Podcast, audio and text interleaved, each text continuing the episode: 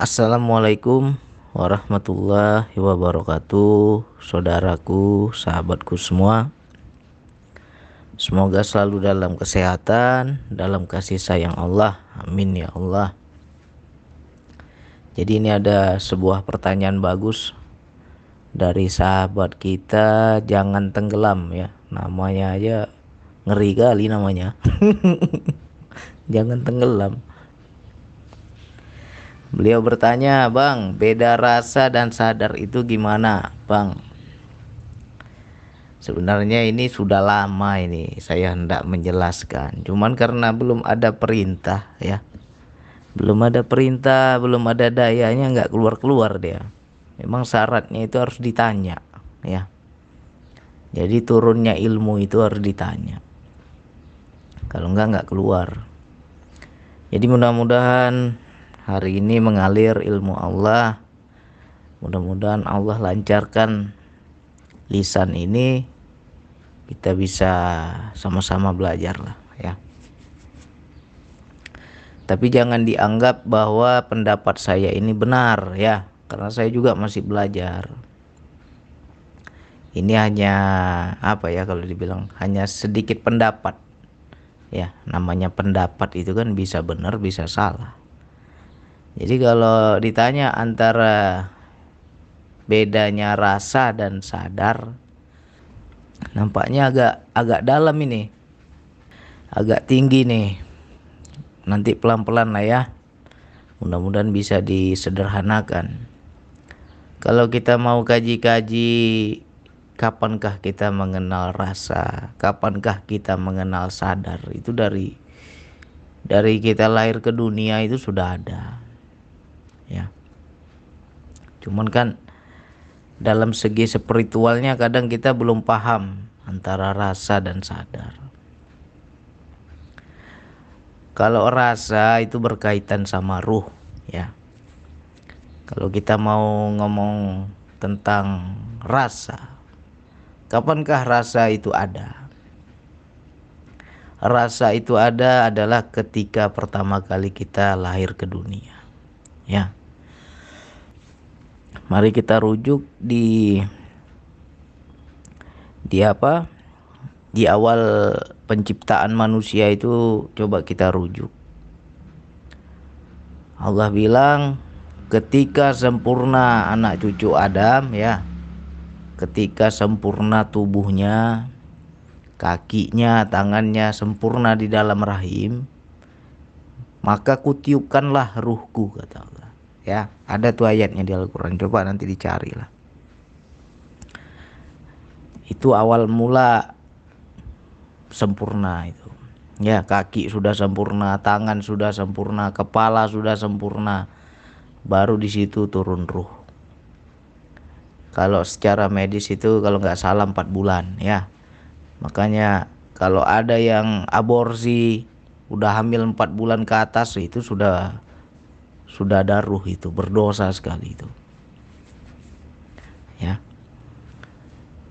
Di situ diturunkan ruh. Di situ sebenarnya sudah ada rasa itu sebenarnya ya. Cuman belum sempurna rasa itu. Jadi makanya kita ketika lahir ke dunia eh apa ketika kita di dalam rahim kita nggak ingat apa-apa ya. Sama halnya ketika masih kita itu awal penciptaan kita dahulu. Ketika anak cucu Adam diangkat saksi bukankah aku ini Tuhanmu? Benar ya Allah engkau Tuhan kami. Kita mengaku kan tapi kok kita nggak ingat itu? Ya karena udah beda alam. Udah nggak ingat kita sama halnya di, di alam rahim juga nggak ingat. Apa yang terjadi di alam rahim? Nggak ingat juga. Ya.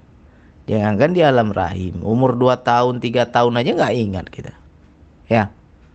Karena apa?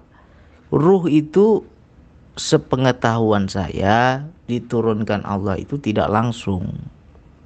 Tapi sedikit demi sedikit ya Kenapa Bang Andi bisa mengatakan bahwa rasa itu sejatinya adalah ruh? Ya, rasa, rasa, ruh itu sama sebenarnya. Kita buka lagi di Al-Quran kalau nggak salah di An Anhal ya. Anhal 78 itu kalau nggak salah.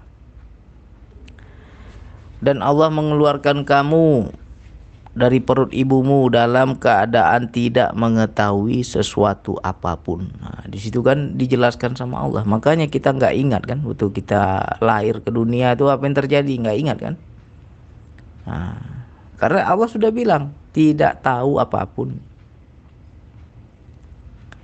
ya dan Allah mengeluarkan kamu dari perut ibumu dalam keadaan tidak mengetahui sesuatu apa pun dan dia memberikan pendengaran penglihatan dan hati. Tiga tuh ya. Itu juga sebenarnya ruh itu. Ya. Makanya anak bayi kenapa ketika lahir ke dunia rata-rata menangis? Nah, menurut saya Ya, kalau ada pendapat lain ya silakan. Kalau menurut saya di situlah saatnya diturunkan ruh. Karena Allah bilang begitu keluar nggak tahu apa-apa. Turunlah ruh. Di situlah kita baru bisa mendengar, kita baru bisa apa melihat, kita bisa merasa. Tapi ingat belum? Karena sejatinya ingat itu itulah yang dikatakan hati. Ya. Kalau kita mau kaji-kaji lagi, kita mati bang, ruh itu dicabut sekali apa pelan-pelan bang? Pelan-pelan. Ada tuh di ayat yang lain. Apabila kupanjangkan umurnya, maka kujadikan dia kembali seperti awal permulaannya, yaitu seperti anak bayi lagi. Ya, makanya orang yang panjang umur itu dikasih pikun. Nah, saya belajar itu dari almarhum ayah saya pelan-pelan itu nggak ada langsung tiba-tiba amnesia lupa ingatan nggak ada pelan-pelan. Diambil tuh ingatannya pelan-pelan. Ya. Sejatinya kalau ada orang tua kita yang udah pikun itu sejatinya itu sudah mati sebenarnya itu. Ya. Sudah tanda mau mati itu sebenarnya. Karena apa? Ruhnya udah diambil pelan-pelan di situlah ingatan lupa. Apalagi bang? Kekuatan melemah. Ya kan itu berkaitan sama roh. Itulah yang dikatakan hati. Jadi hati ini luas. Hati itu bukan hanya yang di jasad saja tapi ada hati yang terdalam. Itu yang dikatakan dengan rasa tadi. Ya.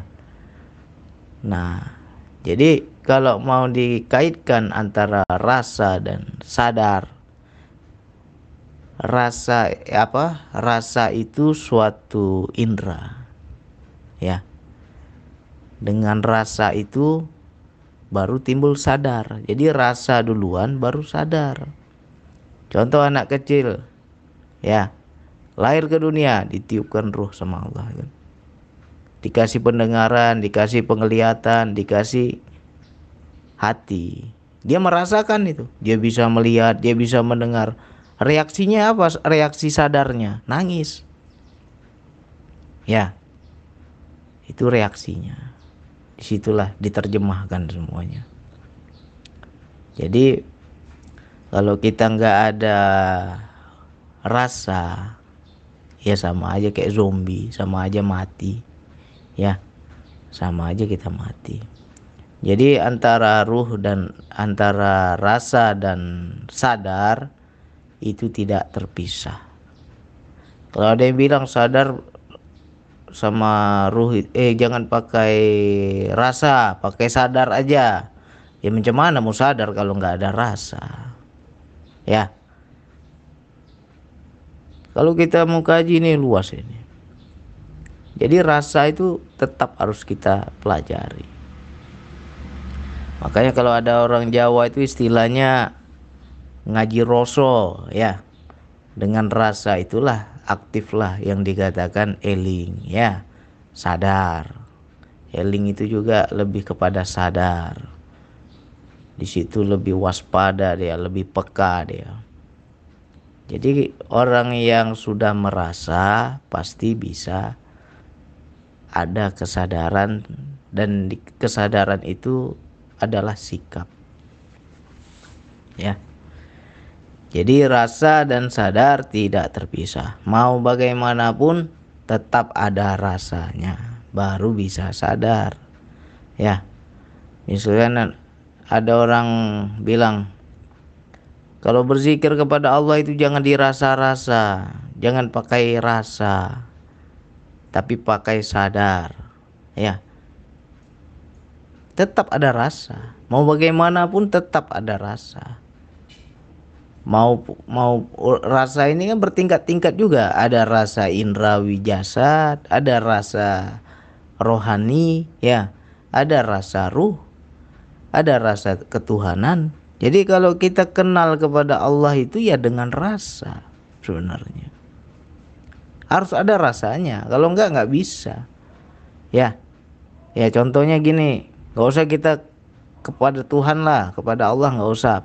Pada setan aja ya. Mungkin kita pernah sendirian di rumah. Semua sudah tidur itu di rumah kita. Kita sendiri masih main HP atau masih nonton TV ya kan? Lagi duduk kita sendirian tiba-tiba muncul rasa. Seperti apa rasa perasaan kita itu di belakang kita itu kayak ada yang lewat ya. Kita nggak nampak wujudnya, kita nggak lihat bentuknya, tapi rasa kita itu nyampai. Rasa kita itu bisa menangkap, peka.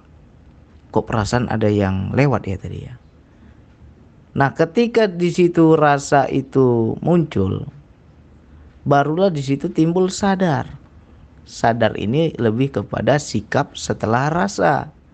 Ya setelah ngeroso. Kalau orang Jawa bilang ya. Apa yang terjadi? Di situ ada dua.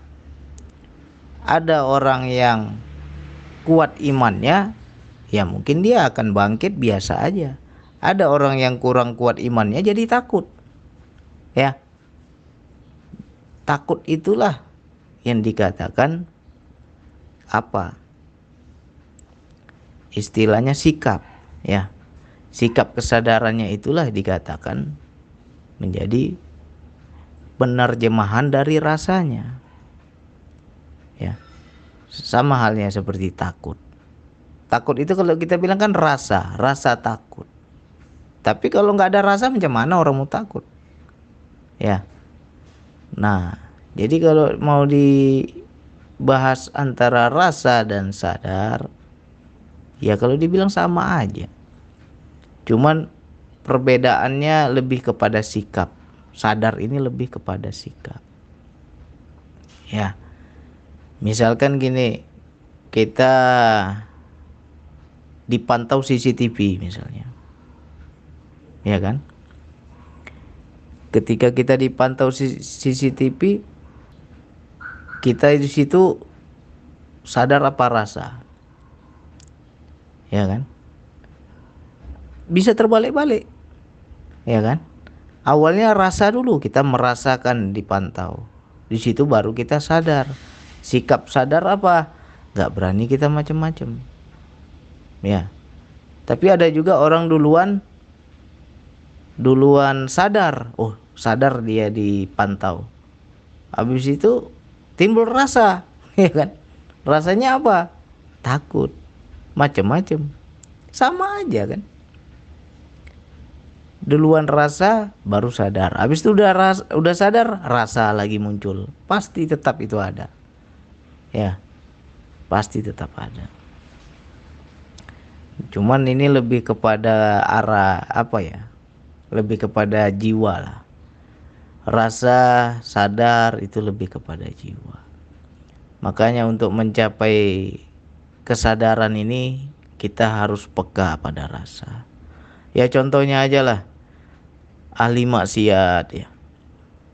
Ahli apa? Uh, tukang mabuk, ahli maksiat, penjahat misalnya, ya. Kenapa dia nggak sadar itu perbuatan yang tercela? Kenapa dia nggak sadar? Karena nggak ada rasa. Ya, dia tidak merasakan itu sesuatu yang gimana-gimana. Ya contohnya aja begal aja lah. Kenapa berani itu begal itu? Karena dia nggak ada rasa takut, makanya nggak sadar. Jadi rasa ini penting. Ya, kalau dia ada rasa takut, pasti di situ sikapnya jadi sadar. Gak beranilah aku begal orang, nanti ditangkap, dikeroyok masa aku. Nanti dia dikeroyok masa kalau hidup. Kalau mati aku di jalan nah. Ya kan? Jadi pertama rasa. Udah rasa sadar. Udah sadar rasa lagi balik-balik tuh. Ya kan? Mendal-mendal dia. Pertama timbul rasa takut. Ya aku takut lah kalau aku begal orang nanti ditangkap dikeroyok masa akhirnya timbul rasa sadar. Ya kan? Nggak mau dia lakukan ya. Jadi sadar ini lebih kepada sikap. Nah apakah bisa bang? Kalau kita sadar sadar aja nggak pakai rasa nggak bisa. Menurut saya itu nggak bisa hal apa ya wilayah tertinggi kita berspiritual apa yang tertinggi? Wilayah fana. Fana pun ada rasanya. Jangan dibilang orang mencapai kefanaan diri itu nggak ada rasa, ada rasanya itu.